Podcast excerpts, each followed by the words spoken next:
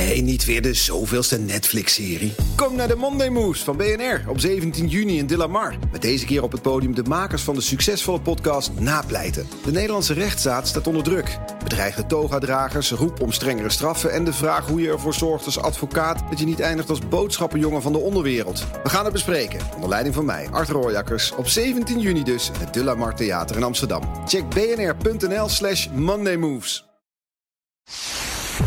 Hartelijk welkom bij de Technoloog. 209. Ja. Hal- Hallo Herbert. Hey Ben. En hallo Koen Krijns. Goedemiddag. eh, die wij kennen als oprichter van Hardware Info. Je bent hier niet voor het eerst. Zeker. Vorige keer hadden we het over Huawei. Dat waren eens tijden. Ja, eh, dat waren tijden. En nu is het anders, want nu gaan we... eh, je bent nu Head of Digital Transformation bij de persgroep. DPG heet dat tegenwoordig. Ja. DPG Media of alleen DPG? DPG. Ja, het bedrijf heet DPG Media, maar ik ben dat bij het onderdeel DPG Online Services, om precies te zijn. Oké. En we gaan het hebben over chips. Over de rivaliteit tussen Intel en AMD. En over de rivaliteit tussen eh, processors volgens het ARM-principe en processors van het x86-stempel. Zeker. Wordt heel spannend. Maar eerst even over het zijn van Head of Digital Transformation. Wat, wat doe je bij de persgroep? Ik eh, ben op dit moment ja, verantwoordelijk voor het digitaal transformeren van een, eh, van een aantal merken. Eh, eerder dit jaar heeft DPG Sanoma overgenomen. Eh, een van de grootste uitgeverijen van, van Ja. Nederland. De, Nederlandse tak van Sanoma. DPG Hardware Info overgenomen. Correct. Waar jij het oprichter van. En- Vandaar dat je daar nu zit. Vandaar dat ik inderdaad sinds 2016 bij, eh bij zit. En als eh, onderdeel van de boedel van Sanoma, er zitten natuurlijk heel veel merken in, eh, nu.nl, Donald Duck, Libelle, noem het allemaal op. ehm, zitten ook bladen als VTO'ne, Autoweek en Ouders van Nu. Tijdschriften echt binnen een, binnen een niche onderwerp. binnen ouderschap, binnen home, home deco noemen we dat, binnen, binnen auto's. En eh, wat we eigenlijk van plan zijn, is om van dat soort merken net zo'n grote online kampioenen te maken als de wereld waar ik vandaan kom, namelijk Tweakers en Hardware Info. Wat Ja. echt gewoon hele grote online platformen zijn. En waar je nog bij die andere titels ziet dat het gros van de, van de, van de omzet en het gros van de lezers is nog op papier. Ja. Is het aan mij met een hele groep andere mensen om, eh, daar, eh, om die merken online net zo succesvol te maken als in de papieren wereld. Ja. Is het een vervreemdende ervaring eh, als oprichter van Hardware Info om nu bezig te zijn met wat voor titels hoorde ik je noemen? Ouders van nu, Donald Donald, Duck. Duck, Donald papier. Ja, nou, ehm, het, het, het is op zijn minst eh, dat ik mijn werk op dit moment iets minder op de automatische piloot doe dan vroeger. Laat dat, gezegd natuurlijk, zijn. eh, hoe, hoe noemen ze dat? Inspirerend? Inspirerend, zeker. Nee, wat je ziet is dat ik... eh, ehm, ik ben het, zoals je zegt, de oorspronkelijke oprichter van, eh, van Hardware Info. In het begin natuurlijk heel erg bezig geweest. Echt met, met de techniek zelf, met, eh, met, met, met reviews, met, eh, met, met artikelen. Vandaar ook nog wel dat ik het een en ander over processors en andere onderwerpen kan, eh, kan we vertellen. straks uitzoeken. Ja. Zeker. Ehm, maar de afgelopen jaren eigenlijk meer en meer achter de schermen gaan werken. Ook aan, aan nieuwe strategieën, aan, eh, aan, eh, aan nieuwe plannen, aan nieuwe Ja, partnerships. dat, dat moest je toch al. ja, en dat, vind ik, dat vond ik ook leuk om eh, qua, Ja. qua groeien. En ik ben dat achter de schermen voor, eh, voor tweakers en hardware info gaan doen, die dus ook beide onderdeel van DPG zijn. En eh, uiteindelijk van het een kwam het ander. Koen. Leuk, spannend. Kijk, wij zijn nu vier jaar bezig met die technoloog. En digi- digital transformation is Dat nog willen niet- wij ook. Dat willen wij ook. We willen ook digitaal denken en zijn. Ja, dit is al heel erg digitaal. Ja, precies. Een podcast, Ja, dat is echt allemaal fantastisch. ene en nullen. Maar Zo kijk, wij hebben nog nooit als onderwerp digital transformation. Het is natuurlijk een verschrikkelijk buzzword. En Ja. iedereen heeft het erover en we moeten het doen. Maar wat me altijd tegenhoudt, dat je inderdaad. Je, het, er komen al die clichés dat het niet om technologie gaat, maar ook processen en mensen. En dan krijg je een driehoekje. En hoe je dan met die mensen omgaat. Hoe je dan met die processen om moet gaan binnen een organisatie. Waarbij je de Donald Duck dan de mensen niet digitaal kunnen denken. Je krijgt altijd dat soort verhalen. En dan daarom doe ik dat niet. Is er nog iets. Moeten we wel een keer een onderwerp maken over digital transformation? Omdat het toch wel elementen bevat die die niet clichématig zijn? Of zeg je van niet aan beginnen? Nou, ik, digital transformation gaat over techniek. En het is misschien cliché, maar ik denk dat techniek echt maar eigenlijk een heel klein gedeelte Ja, is van, van het proces. Processen. Kijk, uiteindelijk is het de, de digitale mogelijkheden zoals we die tegenwoordig hebben, maken gewoon mogelijk dat, er, dat je op andere manieren je diensten aanbiedt aan, eh, aan, aan klanten, of in het geval van ons als media, aan, eh, aan lezers. Ja. Een tijdschrift was eh, eigenlijk een heel simpel product. Het, je gooit het één keer per maand bij mensen door de brievenbus. Het is one size fits all, dus iedereen moet precies hetzelfde lezen. En je moet er als redacteur voor zorgen dat, voor al je dat de meeste abonnees minstens driekwart van je blad interessant vinden, zodat ze een Ja. abonnement niet Ja. opzeggen. In de digitale wereld of dat nou websites is of video of wat dan ook, willen mensen iedere dag op de hoogte blijven. En willen ze ook veel meer cherrypicken. Ik vind dit wel interessant en ik vind dit niet interessant. Ja, en het en- een willen ze lezen, het andere Ja, willen ze elke bekijken. uiting moet voor zijn bestaan vechten. Exact. Ja, dus eh, dit, het hele uitgeefproces en ook de manier waarop je met, je met je content omgaat, is echt wel compleet anders. je concurreert met al het andere wat online aanwezig is. Dat ook nog eens een keer. Zeker. Ja. Oké, nou, we denken er nog over na. Ja. Ik kom graag nog een keer terug. Goed zo. Ehm, maar nu eerst die processors. En eigenlijk Ja, mijn oude denk liefde. ik dat we, dat we het eerst moeten hebben over ehm, Apple. Apple. eh, versus Intel eh, eh, met de ARM-processors in de nieuwe Mac. Ja, Want dat is best een ding. Ik weet nog dat het een heel groot ding was toen Apple overging op Intel-processors. nou eerst als ik bij Intel de accountmanager en Apple was, dan heb ik het niet leuk op dit moment. Nee, Ze zijn een grote klant kwijtgeraakt. Dat. Maar eh, en, eh, een aantal jaar geleden was het precies andersom. Toen kreeg Intel er een reusachtige klant bij. En voor Mac-gebruikers was het eigenlijk vloeken in de kerk. Eh, en andere Mac-gebruikers die dachten opeens... Hey, misschien is het toch wel aardig om nog eens een dual boot te hebben... met Windows op mijn, op mijn Mac. Dus, en nu, hoor je, nu lees ik dat bepaalde Mac-gebruikers zich heel ongerust maken... dat ze straks met een nieuwe eh, Mac-laptop eh, met een ARM-chip erin... dat ze geen dual boot met Windows meer kunnen draaien. Nou is dat weer een probleem. Ja, klopt. Eh, dus dat is allemaal heel grappig. Maar eh, vertel hoe dat, eh, als jij dat kunt, eh, hoe dat in zijn werk is gegaan bij Apple en hoe dat nu aankomt bij Intel. Ja, nou, dat heeft eigenlijk alles te maken met die verschillende soorten processors, die verschillende processortalen Ja, of verschil moeten we eerst weten, ja. architecturen die er bestaan. En dat zijn eigenlijk wat dat betreft dus twee grote. Je hebt die architectuur die heet x86. Dat is eigenlijk de taal die de processors, de, de traditionele processors in PC's spreken. En daar zijn de facto twee grote fabrikanten van. Intel, die het ooit heeft bedacht, en AMD. Ja, die elkaar ook de tent uitvechten, maar daar we daar zo komt het zo, op. daar Ja, ja, ja. En de andere eh, grote processorarchitectuur, de andere grote processortaal is ARM. Oorspronkelijk bedacht door een bedrijf in, eh, in Engeland. Ehm, eh, de- de- heel lang terug zit er nog wel een link op trouwens ook met Apple. Dat is dan wel weer interessant. Ehm, maar die, Acorn, hè? Ja, exact. Gaan we heel, heel ver terug in de tijd. Ja, En ehm, ARM is eigenlijk heel lang voornamelijk goed geweest in, in kleine, niet bepaald snelle, maar zuinige chipjes. Dat zat voornamelijk vroeger misschien in, in dingen als, eh, als, als, als je wasmachine of je televisie en dat soort dingen. En ARM is op een gegeven moment heel groot geworden door de opkomst van de smartphone. Want daar moesten gewoon chips in ja. waar zuinig zijn veel belangrijker was dan snel zijn. En dat was eigenlijk het, het, het grote speerpunt van, eh, van ARM. Ja, en dan, dan ga ik even in op iets waar, waar jij nu omheen loopt. eh, onder het motto, denk ik, eh, in jouw achterhoofd van laten we het maar simpel houden. De R in ARM staat voor RISC. Hè? Ja. En dat staat weer voor Reduced Instruction Set Computing. Ehm, en dat is eh, de, de mogelijke instructies die een chip kan uitvoeren eh, om daarop te besparen. En dat is een manier om te besparen op energieverbruik. Ja, al is dat wel een beetje een discussie uit de jaren tachtig, moet ik zeggen. Kijk, als je, als je, je initieel bekijkt, lang geleden had je dat CISC en RISC. Complex Instruction Set en Reduced Instruction Set. Ja. Als, als ik dat in een, een lekentaal zou moeten uitleggen, zou je kunnen zeggen: een CISC-processor die geef je als opdracht hang een schilderij op. En een RISC-processor geef je als opdracht ehm, boor een gaatje, sla- eh, doe Ja, er een schroef ja, in en hang daarna het schilderijtje erop. Dat is in principe zo, maar als je kijkt onderliggend werken eigenlijk alle processors, of het nou x86 of ARM is, tegenwoordig in nog veel kleinere stapjes. Dat is echt, pak de schroevendraaier uit de, uit de doos. Ja, ja, doe, eh, doe, het- doe het juiste boordje erin. Pak hem in de hand. Eh, de, boor nu eh, het eerste stukje van het gaatje. Blaas de stof eruit. Echt, echt zo'n mini-mini Stap voor stappenplan. Micro-operations in een heel mooi woord. En wat je eigenlijk ziet is dat die processorarchitecturen achterliggend worden die steeds minder verschillend. Ehm, omdat nou, uiteindelijk is- hebben, hebben mensen wel bedacht hoe ze het meest optimaal kunnen werken. En eigenlijk ieder processor heeft aan de voorkant iets wat de oorspronkelijke taal transleert naar die microtaal waar de processor echt mee werkt.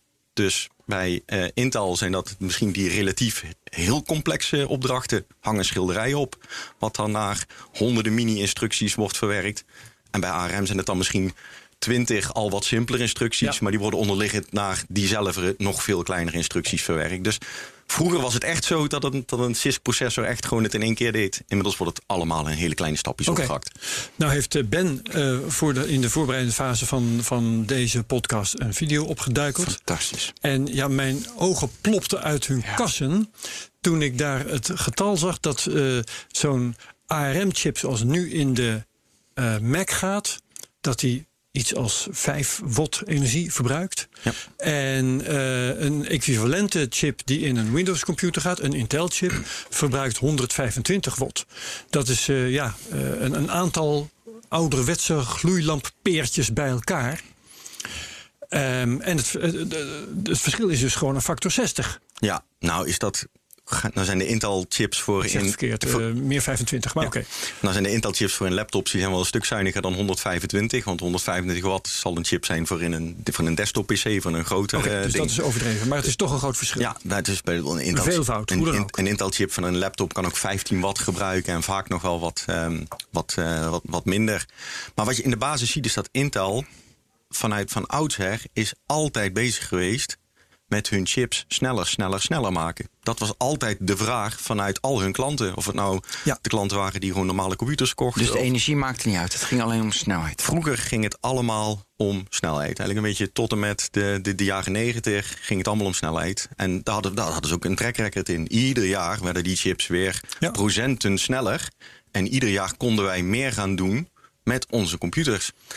En op een gegeven moment kwam, kwam men wel op het punt dat voor de gemiddelde consument of de gemiddelde zakelijke gebruiker dat dat ding eigenlijk wel gewoon snel genoeg is. Ik bedoel, hoe- hoeveel sneller moet jouw computer worden met, eh, met Word en Excel? Op een gegeven moment is je, gaat je werk efficiënt. Terwijl je hem intussen wel heel goed kon gebruiken als eh, verwarming van je studeerkamer. Precies. En hij loeide ook de hele tijd met zijn ventilator dat het een aard. Draait Teams op een Mac, eh, nog met een Intel-chip erin en succes. Ja, maar het, en de andere ding was natuurlijk de opkomst van de laptop. En op een gegeven moment werd er iets anders veel belangrijker. Namelijk, hoe lang gaat hij mee op, eh, op zijn accu?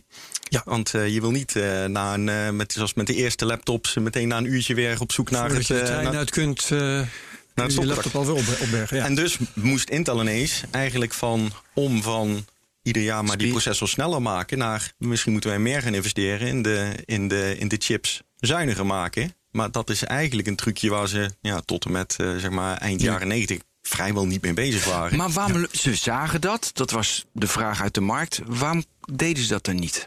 Want je zegt de architectuur is nu precies hetzelfde. ja, Als ik het helemaal plat sla. ja ik, ik- ze, onderliggend lijkt het veel om elkaar. Waar- waarom deed Intel dat niet? Ik denk dat ze tot op zekere hoogte wel deden. Maar uiteindelijk luistert een bedrijf ook altijd naar de grootste en belangrijkste klanten. Als je kijkt wat, waar Intel het meest mee verdient, zijn dat serverprocessors. Ah. Processors die in die, die grote kasten in de datacenter staan. Ja.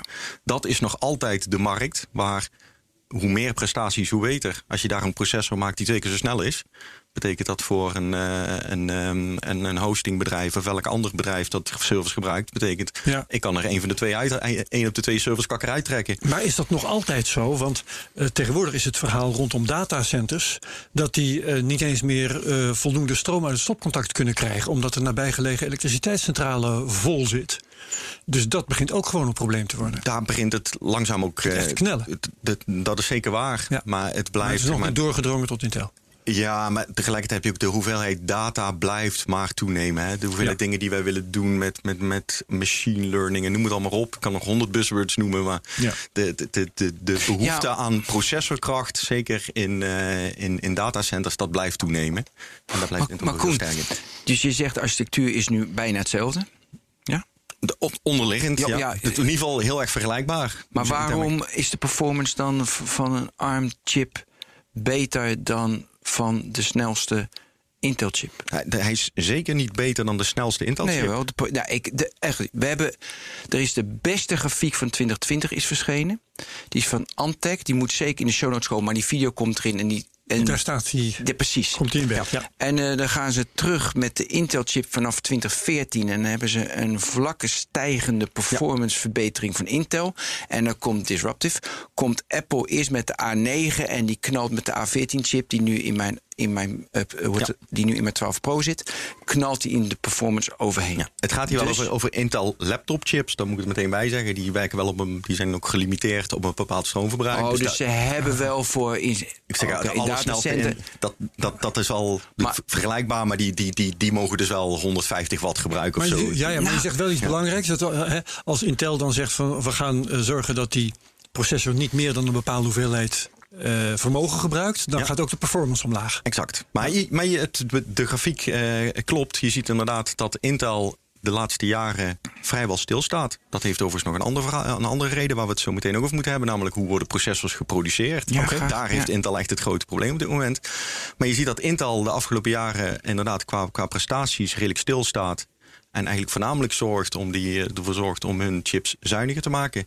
Terwijl eh, in de ARM-wereld, daar eh, is men echt met, met tientallen procenten per jaar gaat, eh, gaat de prestaties Ja. omhoog. En als je Ja. dat exponentieel wordt dat natuurlijk. En dan eh, op een gegeven moment zijn ze er voorbij. Zoals jij dat aan de telefoon aan mij uitlegde, was eh, eh, bij, in de ARM-wereld. ehm, daar begonnen ze met eh, zuinige chips en die zijn ze gewoon sneller gaan maken met behoud van zuinigheid. Exact. Terwijl Intel zijn chips eh, zuiniger probeert te maken met behoud van snelheid. En dat, is, eh, nou, dat leidt tot eh, minder resultaat, vooralsnog. En specifiek hier, want deze, deze grafiek waar jij bedoelt, die gaat ook nog specifiek over de Apple ARM-chips. Ja. Dat is nog wel interessant om eventjes... Ja, want ARM is een principe, hè, geen Ja. merk. Ja, dan moeten we ook nog wat het principe Ja, dan is. Daar wil ik het ook nog over hebben. Het is ARM, die, eh, het bedrijf ARM doet eigenlijk twee dingen. Enerzijds ontwerpen ze die taal die- die de, die, die, die de processors spreken, dus die, die architectuur, hoe je dat noemt. En anderzijds ontwerpen zij ook een, een implementatie daarvan. Dus wat je bij ARM kunt kopen is ofwel mag ik een licentie op die taal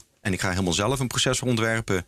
Of ik koop gewoon de bouwtekeningen en ik, ik, ik pak jullie ontwerp. En dan kan ik het alsnog als fabrikant zelf in een chip verwerken. Ehm, Intel heeft een compleet ander bedrijfsmodel. Daar kun je namelijk gewoon de processor, gewoon het fysieke ding kopen. Kan er klaar. Ja. En je stopt dit of in een laptop of, eh, of waar dan ook in. Maar ARM is nu Nvidia, hè? Nog niet, die willen het kopen. Wil het kopen, ja? Ja. Voor 40 miljard. Maar wat dus ehm, Apple doet, die hebben zo'n licentie dus op de architectuur, op de taal die de, eh, die de processor spreekt. En die hebben dus zelf een implementatie gemaakt. Die hebben Ja. zelf die processor ontworpen. En het, het fijne wat Apple kan doen, dus omdat ze met een mooi woord verticaal geïntegreerd zijn. Zij maken alles van de software tot eh, eh, de, de, de, de smartphone tot de laptop. En nu dus zelfs tot aan de processor, het ontwerp Ja, ja, ja. kunnen zij dat compleet op elkaar afstemmen. Dus waar Intel een, een, een processor ontwerpt die eigenlijk in alle soorten laptops zou moeten werken en met van, van alle soorten merken en die heel erg modulair zou moeten zijn, kan Apple echt zeggen, nou die nieuwe A14 die moet perfect werken voor exact waar wij de iPhone 12 voor bedacht hebben. En zo verder. En daardoor kunnen, hebben ze wel het voordeel van ja, nog efficiënter te werk kunnen gaan. Ja. Van de andere kant moet je wel realiseren, processors ontwerpen, dat is echt wat, ja, wat we noemen rocket science. Dat is niet eh, wat je zeg maar eh, tien man eh, op een, in een kamertje drie hoog achter laat doen. Maar blijkbaar doet Apple dat vrij goed. Ja, als, overigens als, als, als een van de weinigen doen ze dat vrij goed. Want vrijwel alle andere fabrikanten van ARM-processors, denk aan Qualcomm of nou, Huawei, waar we het de vorige keer ook over hadden, die hebben ook Ja. een tak die zelf processors maakt. Die kopen eigenlijk gewoon de standaard, de, de standaard bouwtekeningen, dus de standaard implementatie dus van het merk ARM zelf in. En Samsung? Juist. En Samsung? Samsung hetzelfde. Dus die maken ook eh, zelf processors voor, eh, voor smartphones. En die zijn ook eigenlijk gebaseerd op de, op de standaard ontwerpen van, eh, van ARM. En daar bouwen ze dan wel dus zelf nog, dan voegen ze er wel nog allemaal zelf dingen aan toe. Want nogmaals, je koopt niet de hele chip, je koopt het, het, het processorgedeelte. Ja. En daar kun je dan zelf nog andere dingen aan toevoegen. Want binnen een smartphone zit eigenlijk zoveel mogelijk functionaliteit in één chip. Dus ook de, de aansturing voor, voor het scherm, allemaal andere dingen. Dus dan kopen ze de processor, bouwtekening in, leggen ze nog wat dingen omheen. En dat wordt dan de Samsung eh Ja, laptop chip, ja, of eh, smartphone chip. Ja. Ja, ik wil even over, nog even over die grafiek. Ik vind het namelijk een heel mooi klassiek voorbeeld van eh, een disruptive technology. Dat Intel niet snel genoeg ging en dan vanaf de onderkant komt Apple en die, ja, en die disrupte dan Intel. ja. Is dat definitief of, de- of denk je dat Intel, ehm, doordat ze, weet je, in service centers en de performance, die is laptops. Ik vind dit best wel onwijs pijnlijk als ik dit zie. Dat, dit is enorm pijnlijk. Hier zullen echt een paar mensen bij Intel zich eh, eh, serieus vervelend om voelen. ik denk wel dat wat je hier nog ziet is dat, ehm, en misschien moeten we het daar nu maar meteen over gaan hebben. Intel heeft de afgelopen jaren echt een probleem. En dat heeft alles Ja. te maken met het productieproces. Hoe maak je chips? Ja. Nou, chips worden in fabrieken gemaakt. ehm, en Intel is eigenlijk een van de weinige ehm eh, processorfabrikanten eigenlijk. Want zij zijn een van de weinige bedrijven die zowel chips ontwerpen als chips produceren. En dat is jaren goed gegaan. Want eigenlijk was Intel zeg maar, van, sinds de jaren 60, 70, Monopolist. 80. Nou, niet alleen monopolist, maar ze waren echt de wereldkampioen. Zowel in architecturen, dus in chips ontwerpen. Maar ze waren ook de wereldkampioen in het produceren ervan. Want wat is het verhaal? Chips werken op basis van de zogenaamde transistors, kleine schakelaartjes. Daar zitten er miljarden van in zo'n chip. En hoe kleiner je die transistors kunt maken. En daar praten we tegenwoordig over nanometers. Dus op een, op, een- op een chip van een paar vierkante centimeter kunnen miljarden van die schakelaartjes zitten. Ja. Maar dus hoe kleiner je die eh, transistors kunt maken, hoe meer je er op een beperkte oppervlak kunt zetten. Dus hoe meer functionaliteit, hoe meer snelheid je kunt doen. En kleinere transistors zijn in de regel ook zuiniger. Dus eigenlijk als je dat pro- productieprocedé maar blijft verbeteren en op gezette tijden weer met een nieuwe variant komt, dan krijg je eigenlijk heel veel snelheidswinst en, en, en zuinigheid vrijwel cadeau. Nou, Intel was echt jaar in jaar uit gewoon daar de, eh, de wereldkampioen in. En ze hebben Hoe kwam dat? gewoon hele slimme mensen aan boord. En eh, hele goede ingenieurs. En heel veel geld om het te ontwikkelen. En bij Intel, ze noemden dat jarenlang, eh, ik denk dat jij nog wel weet, hij wordt de TikTok-strategie. Wat zij Nee, zeiden. dat herinner ik me niet. Oké, dat was tot ongeveer 2014. Zeiden ze: ieder jaar introduceren wij iets groots. Om en om doen wij of ieder jaar een nieuwe architectuur. Dus hebben wij of een nieuwe manier waarop onze processors werken, of een nieuw productieprocedé. En dan om en om. Dus als een nieuw productieprocedé had, pakten ze het ontwerp van het vorige jaar op het nieuwe procedé. Dat, het ontwerp was dan al zeg maar eh, Ja, goed, ja, ja, ja, goed doorontwikkeld en dan kon je het nieuwe procedé. Het jaar daarna ehm pakte je op dat inmiddels een jaar oude procedé weer een nieuw ontwerp. En het jaar eh, daarna weer dat nieuwe ontwerp op een nieuw procedé. En dat, dat ging ze door. Daar kon je echt als, nou, als techjournalist, eh, toen in die tijd kon je dan je klok op gelijk zetten. Ieder jaar kwam, er dus het weer, ja. kwam het weer om en om. En dat ging dus jaren zo van. Nou, dat, je, je zegt dat altijd in nanometers. Dus dat ging van 90 nanometer naar 45 nanometer. Van 45 naar eh, eh, 22. Van 22 tot 14. Ja. En toen stopte het ineens in 2014. Want we hadden dus ehm 14 nanometer Ja, bij Intel, hè? bij Intel. En daar kwam een nieuwe ehm, eh, architectuur op, genaamd Skylake. En in 2015 dachten we, nou, het is tijd voor eh 10 nanometer. Ehm, of sorry, Skylake kwam in 2015, dus eigenlijk het jaar daarna dachten we, het is tijd voor 10 nanometer. En dat kwam niet. Dus er kwam nog maar een variant op Skylake. En Maar wat is- Skylake, Skylake? Ja, dat is dan, zij geven codenamen aan die, aan Aan die, ontwerp. aan die, aan Ja. die ontwerpen, aan die architecturen. En het jaar daarna weer. En het jaar daarna weer. En we zitten tot op de dag van vandaag Wow. in de desktopwereld eh, nog steeds op dat 14 nanometer. In de laptopwereld hebben we uiteindelijk dat 10 nanometer een beetje in de praat gekregen. Maar dat zou er dus al jaren moeten zijn. En eigenlijk bij dat procedé, in- alles wat daar mis kon gaan, is, is misgegaan. En dus de, de ontwerpers van de processors, die zijn ik gewoon geremd door hun collega's Ja. van productie. Die zeggen, we hebben alle plannen klaar liggen. En de productie zei, ja, wij, wij, wij kunnen er niks mee. Maar laten we wel wezen. Iedereen wist natuurlijk dat vroeg of laat die eh, eh, miniaturisatie moest ophouden. Want op een gegeven moment heb je onderdelen die zo klein zijn als een atoom. bij wijze van- Daar zijn ze nu nog niet. Ja. Maar voor dat stadium moest het ook wel ergens ophouden. Want je krijgt allerlei kwantummechanische effecten. Zeker. Is dit dat punt of hebben ze andere problemen? Nee, want dit is 5 nanometer. Of 7, maar... Ja, het is, uiteindelijk zijn er andere eh, eh, fabrikanten van... Dit, eh, Oh, dit is maar. Oh ja, telefoon nee, omhoog. iedereen kijkt naar video. Iedereen kijkt- We hebben wel 61 kijkers nu. Hoor. Ik, eh, ik hield mijn telefoon omhoog. Ja. En er zijn andere fabrikanten van eh, processors. En, en eigenlijk de, de, de, de belangrijkste hier is het Taiwanese bedrijf TSMC. En die maken de processors onder andere van Apple, maar ook van, van vele anderen. En die, die doen dus alleen het produceren. Dus andere mensen gaan daar naartoe met hun ontwerp en zeggen: Wil je dit ding voor mij maken? En die zijn in ieder geval vooralsnog toch nog verder gegaan. Dus het ligt echt aan Intel. En er zijn natuurlijk andere manieren. Ik bedoel, de, op dit moment de, de, de, de beste mensen die de nieuwe productieprocedees ontwikkelen, die hebben wij hier in Nederland. Die zitten in Veldhoven bij ASML. Die, zijn, al, die zijn alweer verder met, met, met nog veel verdere stappen. Waarom hebben we die eigenlijk nog nooit gehad? Andere, andere onderwerp. Moet je zeker een keer uitnodigen, want dat, dat, Twee of drie keer, toch? dat zijn misschien wel de, de, de slimste mensen Ja, ter wereld. het al over gehad. Ja, overgehad, dat is waar, ja. En dan moeten we niet, eh, ik bedoel, hoe zeg ik, die nanometers, dat is een beetje marketing-pripraat tegenwoordig, moet ik zeggen. Want er is niks in Ja, die chip snap echt ik. daadwerkelijk 7 nanometer. En als je er goed naar kijkt, is TSMC's 7 nanometer is eigenlijk vrijwel vergelijkbaar met Intel's 10 nanometer. maar voor, voor, voor wat het is, dat 7 nanometer bij TSMC, dat draait nu al een paar jaar. Dat, dat Ja. die, die chips blijven Het is maar... in elk eh, geval kleiner dan de 14 nanometer waar Intel op zeker. is geroest. En eh, de volgende stap van eh, TSMC 5 nanometer is nu eigenlijk ook gewoon klaar. En daar beginnen ook gewoon fabrikanten mee te gaan. En dat is. Wat is het probleem dat Intel daarmee heeft? Is dat uit te leggen?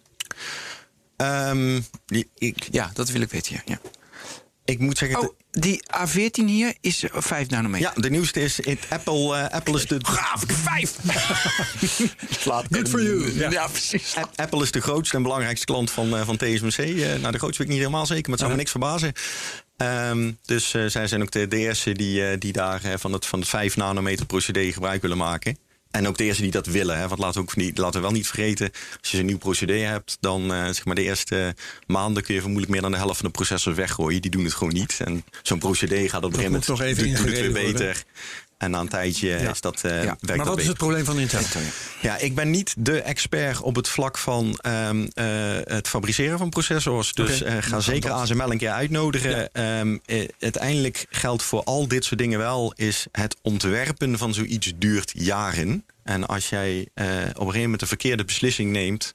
en je gaat gewoon maar door... dan kan het best zijn dat je er pas drie, vier jaar later achter komt... als je daadwerkelijk machines hebt... en als je daadwerkelijk met de slag komt... dat je drie, drie jaar eerder een compleet verkeerde beslissing hebt genomen. Ehm, ik, Ja. ik weet bijvoorbeeld dat, eh, nou we hadden het over ASML, die hebben zo'n technologie eh, EUV, extreem ultraviolet, Ja. die eh, heel bijzonder met allemaal, dan, dan weerkaatsen ze één lichtatoom van iets op iets anders. Heel bijzonder hoe dat allemaal werkt, maar dat is een technologie die peperduur is, maar die nog kleiner lijkt te gaan. Waarvan Intel heeft gezegd van ja, dat, dat slaan we er even over. Dat gaan we wel gebruiken voor nog kleiner. En er zijn ook mensen die zeggen, van, ja, dat hadden ze misschien toch voor 10 nanometer ook al moeten pakken. Eh, wat, wat het precies is binnen het procedé wat niet goed werkt, is, eh, is, is mij ook niet helemaal duidelijk. Wat je in ieder geval ziet, is dat zij 10 nanometer niet goed krijgen voor de hele snelle chips. Dus je ziet dat 10 nanometer in de, in de desktop en in de serverwereld eigenlijk nog niet is geïntroduceerd, nog steeds niet. En ze hebben het nu eindelijk redelijk op orde eh, voor zuinigere chips. Voor die, die niet zoveel stroom verbruiken. Dus in laptops heb je nu inmiddels wel Intel eh, 10 nanometer. Ehm, maar ja, echt jaren nadat het eh, eigenlijk de bedoeling was. Maar goed, dan Ja. is het toch ook gewoon de beste mensen uit de markt. Als je toch geld hebt, kopen, beter ontwerpen. En de machines die komen uit Veldhoven. Ja, Dus die kan je kopen. Ik heb versimplificeerd, ik snap het. Maar ik vind dat ik, als je al vanaf 2014 dus achterloopt, doe je al zes jaar iets fout. Dus daar moet dan toch ingegrepen worden. Dat, dat, er moet iets komen. dat ben ik met je eens. Maar dat gebeurt dus gewoon niet. Er zijn genoeg koppen gerold bij Intel. Dus ehm, er, eh, er, er gebeurt van alles. Maar daar zien we op dit moment het effect nog niet helemaal Nog van. niet de goede koppel geweest. Ja.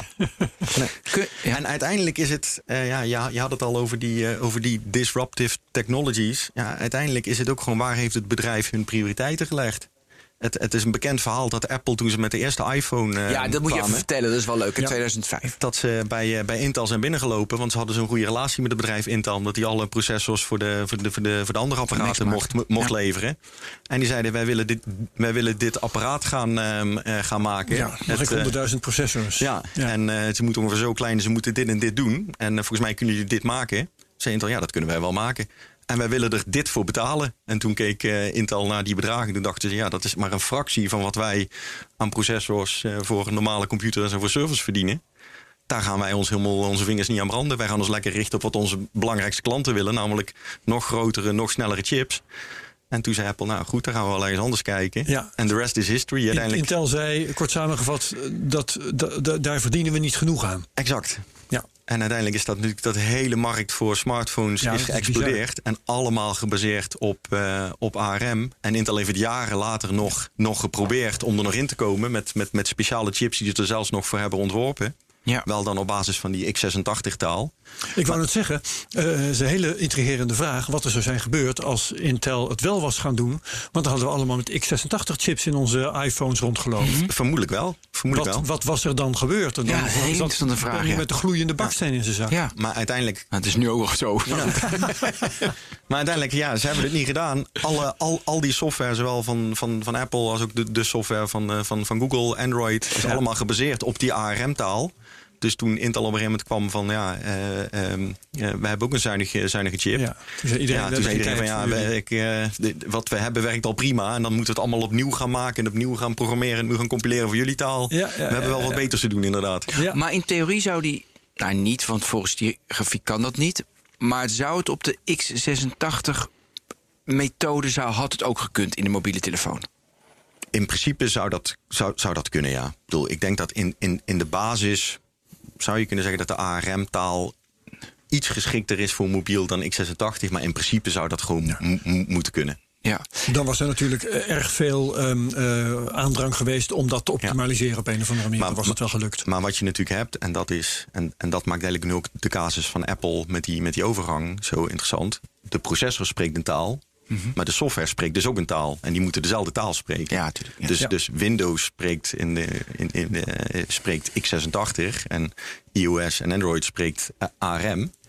En wat Apple dus nu heeft moeten doen, is dat zij macOS, het besturingssysteem van, eh, van de Apple laptops, dat hebben ze eh, ARM moeten gaan laten praten. Dan heb je weer het voordeel van Apple, wat compleet wat alles doet. Dus die kunnen dat allemaal zelf doen. En ehm, wat Apple ook wel heeft, dat is, en dat is ook wel een beetje te danken aan hun, hun situatie. Ze hebben meer invloed op, ehm, op, eh, op al hun partners. Apple kan gewoon zeggen, ja, vanaf eh, volgend jaar zijn onze processors ARM. Dus best Ja. de leverancier van software voor Apple-apparaten. Jij gaat het ook maar gewoon eh, opnieuw doen, eh, opnieuw compileren en opnieuw maken voor ARM. En anders jammer dan. Ja. Wat ik me nou afvraag, hè, ik heb een, een laptop, hij staat nu even niet hier. Die heeft ooit, ik geloof, 700 euro gekost. Ja. En ik heb kort geleden een Chromebookje gekocht van eh, 200 euro. En toen ik dat ding aanzette, ik, ik had eigenlijk een vrij eh, eh, basic machine verwacht. En, en ik zag hoe dat scherm zich gedroeg, dacht ik, non du, ehm, daar kan mijn laptop niet tegenop. Ja. Is dat ARM? Wat ik daar aan het werk zie? Eh, de Chromebooks bestaan zowel in ARM als in x86. Dus Oh, dan zou ik hem, eh, open dat, dat, schroeven. dat, zou, dat ligt er een beetje aan wel- welke je hebt. wat je wel bij, bij Chromebooks vind ik een interessant onderwerp. Want wat je eigenlijk ziet, is, ehm, is dat meer en meer mensen eigenlijk voornamelijk nog in een webbrowser aan het werk zijn. Als ik mijn werk Ja. vergelijk Ja, met tien jaar geleden. Ja. Volgens mij ben ik op dit moment 90% van mijn werkzame tijd zit ik gewoon Ja, in een browser. Docs en dat soort dingen. Exact. Ja. Dus dat betekent dat zo'n overstap eigenlijk makkelijker wordt. Want als het besturingssysteem en de browser maar volledig geoptimaliseerd zijn voor welke chip er ook in een ding zit, dan ben je er eigenlijk voor veel mensen. Dat was tien jaar geleden ondenkbaar, want Ja. je 25 verschillende so- eh, Dan soorten werkt software. het, natuurlijk werkt het dan, maar werkt het dan ook even snel? Dat kan natuurlijk wel anders zijn. Nou, zolang je iets volledig optimaliseert, Ja. en daar hebben we weer het voordeel van Apple. Je maakt zelf de software, je weet precies op welk apparaat het moet draaien. En met Ja. aantal apparaten kun je het volledig optimaliseren. Microsoft Windows, dat is gemaakt om te draaien op alle denkbare soorten apparaten, alle soort denkbare soorten laptops, alle denkbare soorten desktops van alle fabrikanten wereldwijd. Dat is gemaakt om zo modulair en flexibel mogelijk te zijn. Maar dan krijg je waarschijnlijk toch wel in de meeste gevallen een blazende ventilator op de koop toe.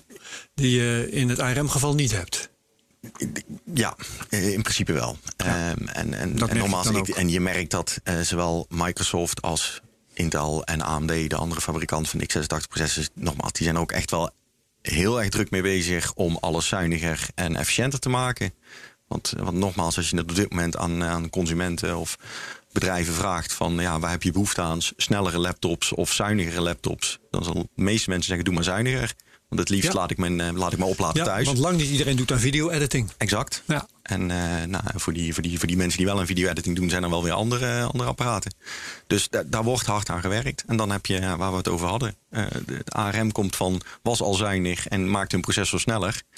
En Intel komt van, uh, van de andere kant. En ARM heeft, heeft op dit moment de wind mee. Want zij kunnen sneller versnellen dan dat Intel kan verzuinigen. Al is het maar omdat Intel dus echt dat probleem met die productie heeft. Ja, ja, ja, ja. Kun je even dus Nvidia wil dus nu ARM kopen. Ja. Ik wil even dus dat landschap iets. En dan heb je Intel. En uh, dan heb je nog andere partijen als uh, Nvidia, dat hadden we gezegd. AMD moeten we ook nog over hebben. Ja, zeker. Zeker. En, uh, en je noemde al TSMC. Een beetje dat ecosysteem. En wie, wie er gaat winnen en hoe dat eruit ziet. Ja.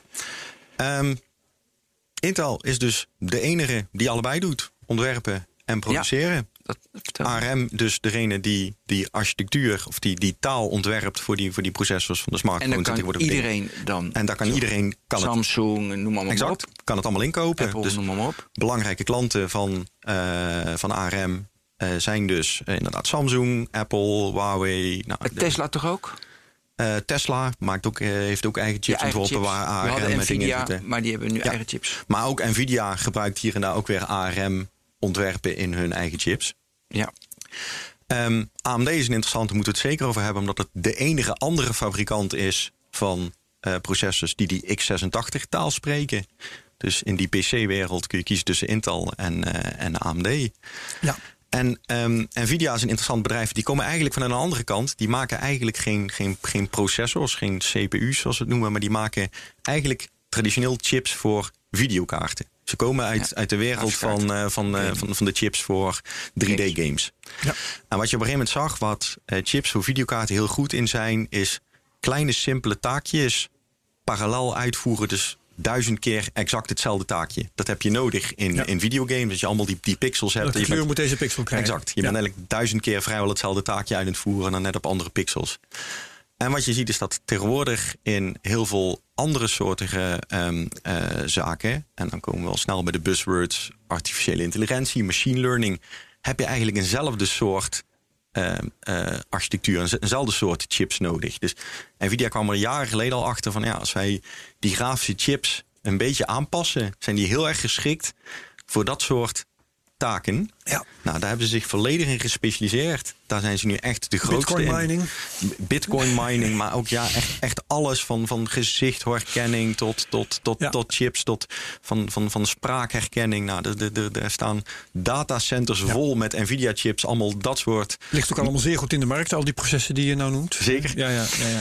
ja. Um, en uh, wat Nvidia dus voor elkaar heeft gekregen, is dat ze inmiddels, en dat zal bij Intel zeker pijn hebben gedaan, de grootste processorfabrikant, of processorontwerper dan, want ze maken ze niet. Maar in ieder geval het grootste chipbedrijf ter wereld is geworden. Dat is wow. jarenlang was dat Intel. Ja. En Nvidia is ze voorbij. En, um, maar wat Nvidia dus wel heeft, ze zijn dus heel sterk in die, in die, in die GPU's en de afgeleiden daarvan. Dus die grafische chips en die, uh, mm-hmm. en die, die AI-chips. Maar een, ja, een, een conventionele processor hebben ze niet. En ik denk dat zij naar ARM kijken en denken van ja, dan is, dan is de cirkel rond. Dan hebben we eigenlijk alles wat we nodig hebben. Plus dat ARM eigenlijk natuurlijk een heel interessant model heeft. Want zo'n processor taal ontwikkelen, dat, dat gaat, ja, dat, dat, dat, dat gaat, ik zou bijna zeggen, dat gaat bijna, dat gaat nooit meer iemand doen, zeg nooit nooit, maar dat is zo complex. En vrijwel de hele wereld is klant van ARM. Dus iedereen is, is, ja. is afhankelijk van, van die taal, ja. van, die, uh, van, die, van die architectuur. Nieuwe, mono dus als je, als je, nieuwe monopolist. De, lijkt, eigenlijk wel, ja. Dus ik denk dat, ik bedoel, Nvidia wil het overnemen, maar daar zal nog uh, genoeg over gesproken gaan worden. Want, maar um, even, de, je zegt die processortaal, dat gaat nooit meer iemand doen. Kun je iets meer vertellen over die processortaal?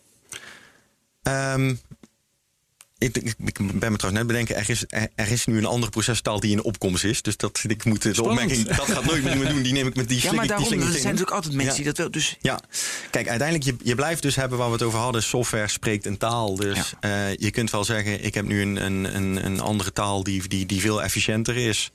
Um, nou, misschien moet het vergelijken met een, met een echte taal. Je had op een gegeven moment ook gewoon dat iemand had bedacht de meest efficiënte taal. Hoe heet dat ook weer? Ja, Esperanto. Esperanto. Ja. Mm -hmm. Ik, hoe goed het argument ook was van laten we allemaal Esperanto gaan spreken. Want dat is veel efficiënter en je hebt minder woorden nodig. En iedereen in de wereld kan hetzelfde praten. Het is natuurlijk nooit van de grond gekomen. Want iedereen sprak al Nederlands of Engels of Chinees. Of, uh, Dus uh, succes om mensen zover te krijgen om een ja. andere taal te spreken. Nou, datzelfde gaat natuurlijk ook voor software.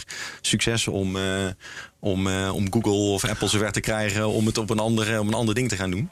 Ik moet nou dat wel, wel zeggen, het, het, het, um, wat je ziet is dat je betaalt de, dus bij x86 kan er gewoon niemand anders dat gaan maken. Intel patent is, is, is, ja, is wel de oorspronkelijke. AMD ja. heeft vanwege historische reden kan het ook.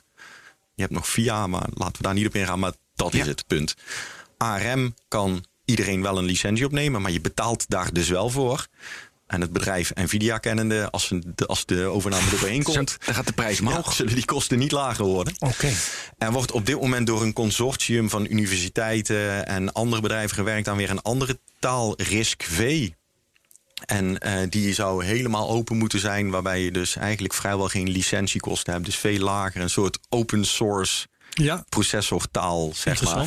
En daar zijn wel bedrijven flink, flink mee bezig. Zeggen dat tot eigenlijk tot, uh, tot een paar jaar terug hadden de meeste mensen iets van ja, het zal allemaal wel en we gaan het meemaken. Uh, nu door die aankondiging dat Nvidia ARM wil overnemen, zie je wel ineens dat heel veel mensen kijken van oh, dit kan nog wel eens heel interessant gaan worden. Boost. Ja, Want ja. als, als, ja. als Nvidia, die, die, die, die staan niet bepaald bekend als, uh, als zeg maar een uh, gezellige club die, nee, die, Heel commercieel. Als, ja, als, je, als je die CEO op een podium ziet staan, zijn we een leren jasje. Ja, leren jasje. Ja. Um, dus uh, ja, er wordt nu wel toch echt wel weer gekeken naar, uh, naar die, uh, naar die risktaal. Er zijn echt wel veel bedrijven ook bezig, ja. omdat het open is, om daar implementaties van te maken. Ja, dus ja, daar, heb je, dat, daar zijn er heel veel mee bezig. En ook daar weer kun je wel weer voorstellen. Ik denk niet dat dat snel in een, in een laptop of in een smartphone zal komen. Maar misschien voor heel specifieke dingen kan het wel zijn. Als jij een, een, een, in, in, in, in, in, in, in een serveromgeving één bepaalde taak hebt. Uh, of dat nou uh, uh, beeldherkenning is of, of wat dan ook. En je hebt eigenlijk ruimtes vol met servers die hetzelfde doen. En je kunt dat heel efficiënt op zo'n ja. op zo'n open, op zo'n open taal doen. Met een, met een chip die daar specifiek is voor optimaliseerd. Dat zou zomaar wat kunnen worden. Ja, maar ik heb niet lang geleden ook een, een Pinebook gekocht. Dat is dan een, een, een, een het is een Linux computertje, maar ja. met zoveel mogelijk open technologie. Weet jij toevallig of daar dan ook een, een open source chip in zit? Ik weet dat niet helemaal zeker meer. We hebben toen Jos Weijers gehad, die, uh, ja. Die complimenteerde me toen met die aanschaf. Ja, was helemaal trots op je. ja. maar ik weet niet meer precies hoe open dat ding nou exact... Ik moet zeggen dat mijn geheugen mij daar een klein beetje in de steek laat. Wat zit, maar daar zal, daar zal zeker geen RISC-V-chip in zitten, want die, wa die waren er toen nog nee, niet. oké, oké. Okay. Maar er, uh, het is wel een, uh, een trend. Hè? Het is nog niet echt een mode, maar ja. die, die open technologie ook in hardware, dat is wel iets wat aan het gebeuren is. Ja, maar bij hardware staat het echt nog in de kinderschoenen. Ja, bij, bij software, open source software hebben we het natuurlijk al jaren over. Zeker. Dat is, uh, dat is al ingeburgerd, maar open source hardware, dat is echt... ja.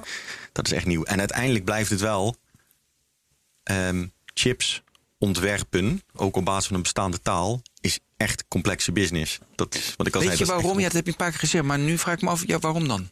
Ja, in, in een beetje processor zitten, wat ik al zei, miljarden transistors. Die hoef je niet alle miljard zeg maar, met de hand in te tekenen. Maar gewoon hoe dat werkt is echt heel erg complex. En ook gewoon ook onderliggend en ook heel veel met, met, met, met patenten en bepaalde dingen. Dus je moet ook wel echt goed ja. uitkijken als je wat gaat ontwerpen. Dat je het niet toevallig op dezelfde manier doet als iemand anders. En als je het al hebt ontwikkeld, ja, dan moet je het ook nog gaan, gaan, gaan produceren. Het is niet van dat je bij, uh, ja. bij TSMC aanklopt en zegt: mag ik tien chipjes? Ik bedoel, dat, dat, ze moeten, dat, dat moet allemaal één op één weer op elkaar worden afgestemd. Dat is nou, niet heel makkelijk. Plus de vraag is natuurlijk: is het nodig dat we een nieuw ontwerp maken?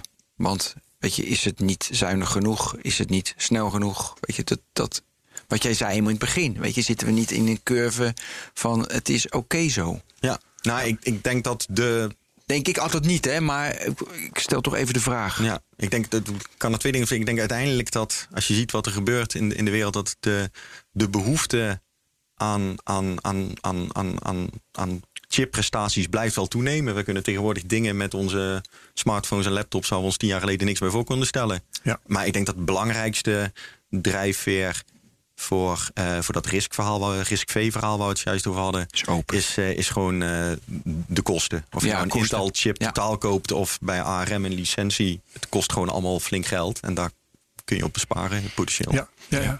Zijn we al toe aan de AMD. rivaliteit AMD, precies. Ja. Want wat is het essentiële verschil tussen... Nee, la- laat ik even beginnen bij wat het nieuwsfeit is, om zo te zeggen. Dat is dat AMD in feite ook Intel heeft overvleugeld. Hè. Intel wordt door iedereen overvleugeld op dit moment. Ja. Eh, zit in de hoek van de klap te vallen. Ja. Maar ook AMD, dat trouwens een paar jaar geleden helemaal wegleek. Ja, dat was echt op sterven na, is na- helemaal na gereanimeerd. Leg uit Ja. hoe dat gegaan is. Nou, de- misschien dus heel eventjes om, om duidelijk om te beginnen. Jaren, jaren terug. AMD is eigenlijk de enige fabrikant dus die dus naast Intel die processors met die x86-taal kan doen. een tijd Ehm, handhaven. dat komt ermee toen Intel die eerste x86-processors bedacht. Eh, toen eh, dat was nog in een wereld dat ik niemand een personal computer had. En dat zelfs bedrijven eigenlijk nog geen computers Mhm. gebruikten. En dus eigenlijk hun primaire klant zou zijn de, de Amerikaanse eh, military, dus de Amerikaanse defensie. Ja. En die zeiden, we vinden het allemaal prima, maar we gaan geen producten kopen waar we niet een, tweede, een, een, een tweede bron voor hebben. Eh, een, een tweede leverancier. Dus toen is er dus met een ander bedrijfje AMD getekend. Nou, jullie krijgen gewoon altijd een licentie op eh, x86. En dat is zo door blijven evolueren. En, en de rest is history. Ehm, op een gegeven moment, vroeger kopieerde AMD eh, de, letterlijk de, de tekeningen van Intel. Op een gegeven moment heeft Intel in de tijd van de Pentium gezegd... dat gaan we niet meer doen. Eh, zoek het lekker eh, zelf uit. En is AMD zelf ook gaan ontwerpen. En zijn de, de wegen gesplitst. Dus Ja. ze praten nog dezelfde taal... maar hoe het onderliggend werkt is anders. Ehm, uiteindelijk is dat met ups en downs gegaan. Soms was AMD sneller, anders was Intel sneller. Intel heeft traditioneel altijd één groot voordeel gehad, en daar hebben we het al over gehad, die productieprocessen. Want Intel had haar eigen fabrieken. AMD had ze vroeger ook, maar waren wel iets minder sophisticated. En is in een heel, ehm, is op een gegeven moment toen het echt penibel werd financieel, heeft, hebben ze de fabrieken moeten afstoten. Ehm, en, eh, maar Intel lag altijd voor. En als zij gewoon één of twee van die, van die productieprocedés Cycles. voorlagen, dan ben je dus eigenlijk al gratis 20, 30 procent sneller. Ja. Dan wel zuiniger dan je concurrent. Nou, succes om dat in een betere, beter ontwerp nog te gaan compenseren. Uiteindelijk denk ik wel dat ehm, eh, het feit dat ze die fabrieken moesten verkopen, dat was op dat moment niet leuk voor AMD, maar dat dat misschien wel de redding is Welk jaar was dat ongeveer? Eh, dat was begin van deze eeuw. Oké, hou me even ten goede welk jaar het precies was. Nee, maar doe het niet toe, maar ik wil even een beetje plaatsen. Ja. maar uiteindelijk is het misschien wel eigenlijk de redding van AMD geweest. Nog, van het, nog los van het feit dat ze daarmee weer wat geld in het bedrijf kwam. Wat AMD nu dus kan, is eigenlijk rondshoppen en kijken welke processorfabrikant, dus welke fabriek, loopt op dit moment voorop. Ja.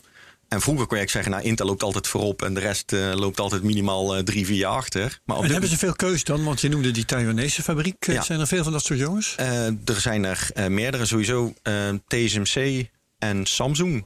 Die naast chips ontwerpen ook een eigen Ja, chips produceren. TSMC en Samsung, dat zijn wel echt twee partijen die state-of-the-art chipproductie doen. En op dit moment is TSMC by far eh, zeg maar het vers. Dus eigenlijk alle, alle, alle, alle ontwerpers van echt snelle chips, of dat nou AMD is of Nvidia of Apple, die staan eigenlijk allemaal bij TSMC in de rij om, eh, om klant te mogen worden. Maar wie weet is dat over, eh, over drie jaar iemand anders. Ja. En dan kan AMD met haar, eh, met haar ontwerp echt Maar die machines komen weer van ASML. Ja, maar het is, niet, het is niet dat je de ASML-machine koopt en zeg maar neerzet En in het stopcontact steekt en je begint. Want het is zeg maar, nee, daar, daar komt nog heel veel bij kijken. Zeg maar, van, van het hele. Ik doe dat thuis wel. ik wil dat ook. Nou, sowieso woon je dan heel groot als die machine zou passen. Eh, maar die, die machine is maar een deel van het hele productieproces. Ik denk dat, dat, dat wat, wat ASML doet is echt heel complex. Maar wat TSMC daar nog bovenop bedenkt en, en voor en achter is minstens zo complex. Dus nee, het is niet ik word klant van ASML en eh, het wordt opgelost. Anders, eh, anders had Intel haar problemen en eh, ook al wel, wel niet gehad. Dus ehm, eh, bij AMD heb je dus enerzijds dat zij wat altijd hun traditionele nadeel was, is nu ineens hun voordeel. Want waar ze altijd één of twee procedés achter liepen, liepen ze er nu één voor. Omdat ze beter gingen ontwerpen. Nee, omdat ze dus, ja, omdat, omdat ze dus bij TSMC kopen. En dus AMD, Ja, dus AMD zit nu al Ja. eigenlijk al, eh, alweer een paar jaar op 7 nanometer. Terwijl Intel dus in, zeker in die desktopwereld nog steeds op 14 zit. Ja, ja, ja, ja. En dan heb je de ontwerpen. En kijk, en ook bij het ontwerpen van processors geldt het ontwerp, zo'n ontwerp dat een echt nieuw ontwerp, zeg maar, dat je met een leeg vel begint, dat moet je om de 10, 20 jaar doen, zeg maar. Nou, 20 jaar is veel, maar minstens eens om de 10 jaar begin je echt met een leeg vel. En dan eh, doe je een, een nieuw ontwerp. En daar moet je heel veel beslissingen nemen. Gaan we het zo doen, gaan we het zus doen, et cetera. En eigenlijk pas na een paar jaar kom je erachter of die beslissingen, hoe dat, goed, hoe dat goed ging. Want pas na jaren komen de eerste testchips van de band. En kun je echt gewoon gaan kijken van werkte dat? Vraag, vraag, vraag. Zijn er dan niet 20 teams die met een leeg vel be- beginnen? Of 30 of 40? En dan kan je ze alle 30, 40, na een paar jaar komen de eerste van de band... en dan weet je welke wel werkt en niet werkt. Niet, ehm, dat, dat is een interessante vraag. Niet 20, want die teams zijn te groot en dat zijn echt de duurste, beste mensen die je kunt bedenken. Dit is wel bij Intel is dit een interessante. Intel had altijd minimaal twee teams werken. Gaan we allebei aan de slag. En de beste wordt het en de andere gooien we weg. En wat je jaren terug op een gegeven moment merkte, die Pentium 4, daar liepen ze tegen alle, alle, alle problemen aan. Die werden, eh, die werden te, te heet. Dat, dat ging niet snel genoeg, noem maar op. En toen was er een ander team in Israël, wat een compleet andere eh, architectuur had bedacht. En die was beter. En toen hebben ze tegen de ontwerpers in Amerika gezegd: Dankjewel, we gaan nu door op, eh, op het ontwerp van Israël. En daar gaan we in al onze teams weer verder op borduren. Wauw, ja. Ter- terug naar AMD. Die hebben bij hun voorlaatste ehm, eh, echt clean sheet ontwerp. Dat heette toen Bulldozer. Dat, de naam was geweldig, maar het product wat minder. Oké. Echt heel erg verkeerde beslissingen genomen. Dus die kwam op de markt in eh, eh, mijn hoofd 2013, denk ik. Eh, nou, wil ik even vanaf zijn. Ehm, het, het kwam op de markt en het was echt langzamer dan wat ze daarvoor hadden. En ze zaten daar dus nog jaren aan vast. Want op het moment dat je dat ontwerp hebt, je moet de komende jaren, je moet daarop door eh, eh, evolueren. Nog los van het feit dat AMD niet de luxe heeft om meerdere teams aan het werk te zetten. Ja. Daar was het bedrijf financieel niet gezond genoeg voor. Uiteindelijk zijn zij ook weer opnieuw begonnen met, eh, met, met zo'n nieuw ontwerp van, vanaf een leeg vel. Dat is de zogenaamde Zen-architectuur. Nou, die is een paar jaar geleden op de markt gekomen. En dat was gewoon eigenlijk alle beslissingen die ze hadden gemaakt, bleken de goede kant op te vallen. En van de ene dag op de andere dag was, ehm, was AMD qua, qua, qua architectuur, dus qua, qua ontwerp, eigenlijk weer op het niveau als, als Intel. Misschien nog een beetje minder, Ja. maar vrijwel op hetzelfde niveau. Nou, tel daar de, de, de voorsprong die ze qua productie erbij kregen. Als dank van het feit dat ze het met TSMC konden doen. En op een gegeven moment gingen ze er links en rechts voorbij. Ja. En die, en die, die Zen-architectuur die is ook zo goed. Die, die, die zijn ze nu weer aan het, aan het, aan het, ehm, Ja. aan het verder evolueren. Dus je hebt Zen 2 gekregen. Nou, recent eh, vorige maand Zen 3. Ehm, en eh, ze zijn Intel nu eigenlijk qua prestaties op alle vlakken voorbij. En dat had een paar jaar geleden niemand durven verwachten. Nee. Eh, gaat Intel nou binnenkort failliet? Ik heb naar die beurskoers vanmorgen nog zitten kijken. Ja. dat is gewoon al vijf Moet je, jaar. moet je oppassen na deze technoloog. Ja, precies, ja. Dan hadden we ik het Engels moeten ik opnemen. ga nu kopen, straks zetten we hem live. Nou ja, ja, ik, ik Nee, denk... Nee, short, nu ga short. verkopen. Ja, precies. Ja, precies. Ja, Ik ga short. maar je kunt naar de Intel-beurskoers kijken. Maar je zou eens naar de AMD-beurskoers moeten kijken. Ja. Dat, dat deed ik. Nee, dat keek ik. AMD staat nu, hou mij ten goede, rond de 60 dollar, geloof ik. ja, het was eerst vier eh, een paar jaar geleden. Ja, het is zelfs onder de dollar geweest. Wow. En op het En moment, op het moment dat eh, zij, Zo. op het moment dat zij die nieuwe Dit arch- is niet normaal. op het moment dat zij die nieuwe architectuur introduceerden, dus die eerste Zen-processors, eh, Ryzen is de marketingnaam geworden, stonden ze rond de 10. Ik vind, vond altijd principieel dat je als techjournalist niet aandelen van, ehm, van, eh, van dit soort bedrijven moet kopen. Nou, maar je bent nu half Ik vind principieel wel. Maar ik vind principieel wel. ik weet dat wij die processors waren aan het testen en denken van. Verdomd, dit, dit- het, het is gewoon gelukt. Het ding is echt gewoon veel Ja. sneller en Ja. Als je op dat moment inderdaad de aandelen AMD had gekocht, dan was je nu... eh, Maar, niet een maar. Wat, wat mij opvalt nu in dit verhaal. ehm, dus je ontwerpt iets top, zen. Echt, dat ging als een tierenlier. Ja. Dan doe je ze 1, 2, 3, maar uiteindelijk moet 4 en dan moet er toch weer een nieuw ontwerp komen. Ja. Dan is het dus, ze hebben nu wel geld om meerdere teams erop te zetten. ja. Maar ja, dat is maar de hoop dat je dan een, eh, een, een clan chip maakt, noem een andere naam, die ook zo goed is. En Intel kan nu ook dus die chip ontwerpen maken waardoor die zo goed wordt. Zeker. Ik denk dat Best je, moeilijke handel dit. ik denk dat je e- eens in de tien jaar, zou ik bijna zeggen, heb je weer een nieuwe ronde, nieuwe kansen. Oké, dus Intel gaat niet failliet. Ik denk dat Intel sowieso, ik bedoel, dat de- Intel heeft goede reserves. Intel heeft één voordeel, is namelijk die, die, die, eh, die zakelijke markt, die servermarkt. Ja. Daar zijn ze echt heer en meester. Ik moet wel zeggen, daar worden ze ook aangevallen door AMD. Want Ja. die AMD, eh, zijn ook heel geschikt voor servers. Die markt is wat conservatiever. Want eigenlijk, we hebben nu drie jaar lang die Zen-chips. Maar de meeste fabrikanten van servers dachten van... nou, eerst zien dan geloven. Laat, laat dit maar eens eventjes een beetje doorsudderen. En we, we proberen er misschien wel één en twee jaar in een hoekje. En als dat uh, echt goed blijft, blijkt te werken, dan gaan we, wel, uh, gaan we wel over. Dus ik denk dat AMD daar wel nog veel kan winnen. Maar op dit moment is Intel in die markt uh, nog heer en meester. En ja. daar verdienen ze veel geld. Maar op grond van wat jij nu verteld hebt, zou je zeggen... wat Intel onmiddellijk moet doen, is op een of andere manier die fabrieken lozen. En op dezelfde manier gaan werken als AMD. Uh, dat, uh, dat zou je kunnen zeggen, maar ik denk niet dat. Um, uh, Intel gelooft er heilig in dat juist door het, door het, door het, door, door het te combineren en ja. door ontwerpen precies te kunnen optimaliseren op de procedures en andersom. Een integratie waar je van kunt profiteren, ja, natuurlijk. Dat dat, dat beter werkt. En, en dit ja. heeft natuurlijk ook jaren goed voor ze gewerkt. Het werkt nu even niet goed voor ze. Um, maar het zijn, het zijn twee denkrichtingen. Er zijn ook genoeg in de, in de zakelijke wereld. Er zijn genoeg mensen die zeggen: een bedrijf kan eigenlijk maar één ding goed doen. Uh, dus je bent of goed in het ontwerpen of goed in het produceren. Um, en uh, weet je, een, een, autofabrikant maakt ook niet, uh, niet alles zelf. Je bent of goed in de carrosserie of goed in motoren maken, maar niet in allebei.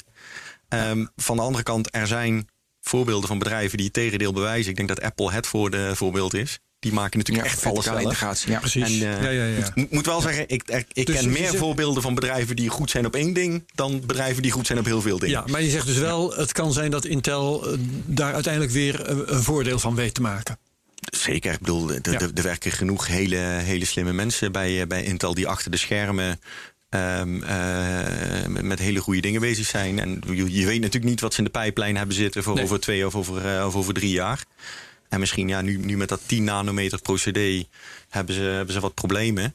Intel moet op een gegeven moment, nou, nu zeggen ze dan in twee- 2022 naar hun 7 nanometer gaan. Dat is dan vergelijkbaar met de 5 nanometer van TSMC. Misschien dat dat met, misschien Met dat TSMC zegt in werken. 2022 naar 3 nanometer te Ja, gaan. ja, ik denk dat die, die, die voorsprong die houden ze nog wel een tijdje, nog wel een tijdje vast. Ehm, maar hoe dat over tien jaar eruit ziet, dat is, eh, Ja, dat ja, is echt eh koffiedik kijken. En ehm, ja, ik, denk- ik, vanuit bedrijfsperspectief zou je inderdaad kunnen zeggen... ehm, ofwel verkoop die handel, of doe het niet. Maar split Verkoop welke handel? de, die, die fabrieken. Die fabrieken Ja. toch, ja, ja, ja. Of split gewoon je bedrijf in tweeën. Mhm. En zeg gewoon, je, onze fabrieken kunnen ook gewoon gebruikt worden door andere chipontwerpers. Ja. En wij gaan onze ontwerpen ergens anders laten produceren. Ja. Want we moeten één ding niet, niet vergeten. Niet alle chips hebben zo'n state-of-the-art allerkleinste transistors nodig. Hè? Er zijn genoeg simpele chips die je Ja, prima niche kunt maken. chips, ja. Op, eh, nou, zelfs niet niche chips, gewoon de, de, de, de chip. Huistuin- eh, en keukenchip. ja, de huistuin- en keukenchip ja, die in je televisie zit. Nou, die hoeft echt niet op, eh, op, het, op het kleinste procedé. Die kun je prima op een productieproces van vijf jaar geleden maken. En dan doet hij het nog steeds goed. Intel zou het prima kunnen zeggen tegen wat andere fabrikanten... kom maar in onze fabrieken. Ja, zie je in, de, in het maken van chips veel differentiatie ontstaan de laatste jaren? Dus inderdaad televisiechips, eh, zelfrijdende autochips. ehm, wat je zei, het snel beelden, eh, dus, dus van grafische kaarten met gamen. ja, Het lijkt mij van generiek naar specifiek te gaan. En kun je zeg maar, specifiekere chips duiden van het daarin, daar is winst te behalen. Bijvoorbeeld zoals je net deed met Nvidia, met die grafische kaarten. ja, Met heel, eh, met heel veel beelden. ja de, de, de- chips ontwerpen is echt heel complex. Kost heel veel, heel veel geld en heel veel tijd. Maar als je alles wat je maakt geoptimaliseerd voor een bepaalde taak, werkt beter. Eh, Herbert had het juist over bitcoin. Er zijn bedrijven geweest die een chip hebben ontwikkeld die maar één ding kan, namelijk bitcoin minen. Voor de rest kan hij niks, maar hij kan alleen maar bitcoin minen. Dat doet hij sneller en efficiënter dan welke andere processor dan ook. Ja. Ehm, de vraag is of, of er genoeg eh, Ja, vraag. eh, Ja, precies, eh, ja. Van, van dat soort Ja, modellen zijn waarbij de kosten voor het ontwerpen van zo'n specifieke chip opwegen tegen, ehm, tegen de ontwikkelingskosten. Maar de kosten van het maken van die chip moet natuurlijk het ontwerpen en het produceren moet natuurlijk ook naar beneden. Ja, maar dat, dat, die, zeker de kosten van het produceren die gaan alleen maar omhoog. Als je bekijkt hoe complex het is, die nieuwe procedés. En hoe, hoe, hoe dit- een nieuwe chipfabriek neerzetten, state-of-the-art chipfabriek neerzetten. Dat kost tientallen miljarden. Dat, dat, dat zijn echt astronomische bedragen. Ehm, en die je eigenlijk als je een state-of-the-art fabriek hebt... ook nog in een paar jaar terug moet verdienen. Ja. Als, als je dat bedenkt, dat is een, dat is een chipfabriek 10 miljard kost. Bedoel, is een club als TSMC heten ze, hè? ja, die heeft dat eh, uit de hoge hoed weten te toveren. Daar zitten Want- er voldoende investeerders in Ja, en, ja, eh, ja, ja. et cetera. En, in- en Intel tovert dat dus ook om zijn tijd uit de hoge hoed. Ja. Maar, maar je moet maar eens uitrekenen wat het kost. Als Ja, zo'n maar- als, als zo'n fabriek niet 100% draait, maar op 80% van de capaciteit. Dat kost eh Zeker. klauwenvol met geld. Ja, maar Koen, ik krijg nu de indruk, en zeg, dus vertel het als het, eh, als het niet waar is, dat er weinig differentiatie zit in chips. Dus naar mijn idee, je maakt een tv, er moet een chip in, heel, heel goedkoop, simpel. Dan moet in mijn nieuwe, eh, weet je, deze moet de allerbeste enzovoorts. En je, moet dus, je krijgt veel meer differentiatie. De indruk krijg ik dat die fabrieken en die ontwerpers dat nog niet zo gedifferentieerd hebben. Dus je krijgt straks hele goedkope chips die hele simpele dingen doen. Ja, nou ja, die, die, die, die, die differentiatie is er wel, maar dat gaat over, over chips die eigenlijk veel minder zichtbaar zijn. Als je bijvoorbeeld kijkt een bedrijf als NXP eh, in Nederland, een spin-off Mhm. van Philips, die maken heel veel relatief simpele chips. Nou, nou, nou eh, Nee, eh, Zeg niet waar ze bij zijn. Ja, maar. Eh, maar die maken gewoon specifieke chips voor, voor, voor, voor, bepaalde dingen. Voor een bepaalde apparaten. Voor een, voor een, voor een, voor een, voor een beveiligingscamera's of een straallantaarn. Ja, noem het dan allemaal maar op. Die, die, die, die eigenlijk precies kunnen wat het moet doen. Of voor in, voor, voor, voor in, in sporthorloges. In mijn Garmin horloge zit volgens mij ook gewoon een NXP chip. Ja. Die, die precies doet wat, wat dat ding moet doen. En voor de, voor de rest vooral niet heel veel meer. Want wij hebben nu heel erg over de high-end. Ja, en, en, er, zijn- en er zijn heel veel van dat soort bedrijven die specifieke chips maken. En die dus allemaal dat op hier en daar Ja, laten. Maar het is wel weer produceren. interessant, hè? want je zou ook kunnen denken van oh, de, de oplage van die geavanceerde chips, die is op een gegeven moment zo groot door alle computers en, en eh, smartphones en zo. Dat ze zo goedkoop worden dat ze haast goedkoper zijn dan een simpele chip die je in een lagere oplage moet gaan maken. Dan zou je in elke straatlantaarn de meest geavanceerde chip moeten zetten. Maar zo is het dus niet. Nee, ik denk dat de, de simpele chips in de wereld, die, die kosten wij spreken centen. Ja. En de complexe chips in deze wereld, Tientjes. die kosten inderdaad tientallen dollars. En eh, daarvan is zelfs de kostprijs om het te maken. Dus als je het ontwerpen er, eh, ervan af zou halen, zelfs de kostprijs om het te maken. Juist vanwege die, die investeringen voor die, voor die Ja. state-of-the-art fabrieken, is ook echt tientjes. Ja. Per, eh, Dus per jij zegt, eh, Intel zou zijn eh, delen van zijn fabrieken moeten eh, verhuren aan andere klanten, die dan ook een wat, wat eh, minder moeilijke processors te maken hebben. Maar En dat is ook allemaal weer makkelijker gezegd dan gedaan. Hè? ja, want, vast wel.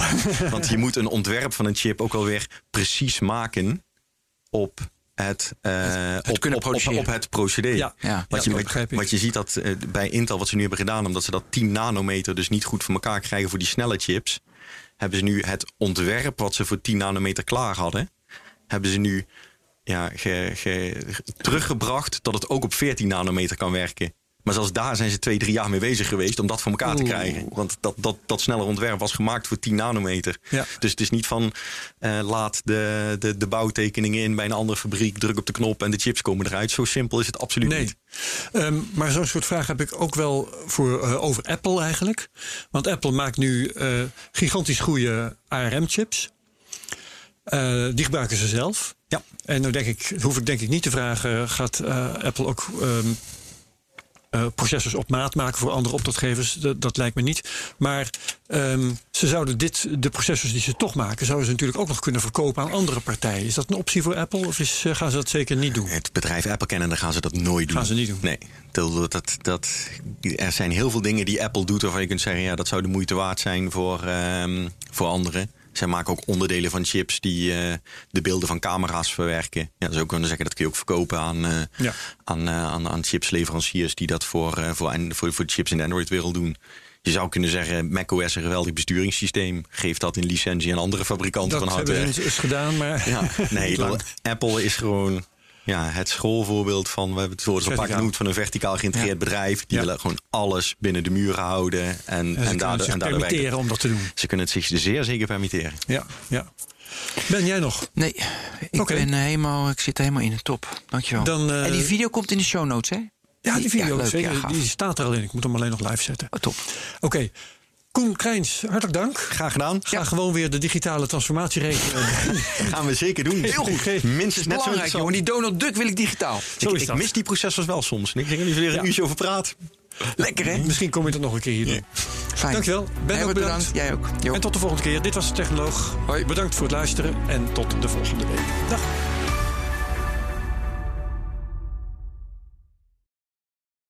Ook Thomas van Zeil vind je in de BNR-app. Je kunt live naar mij luisteren in Zaken doen, de BNR-app met breaking news, het laatste zakelijke nieuws en je vindt er alle BNR-podcasts, bijvoorbeeld Het Nieuwe Geld. Download nu de gratis BNR-app en blijf scherp.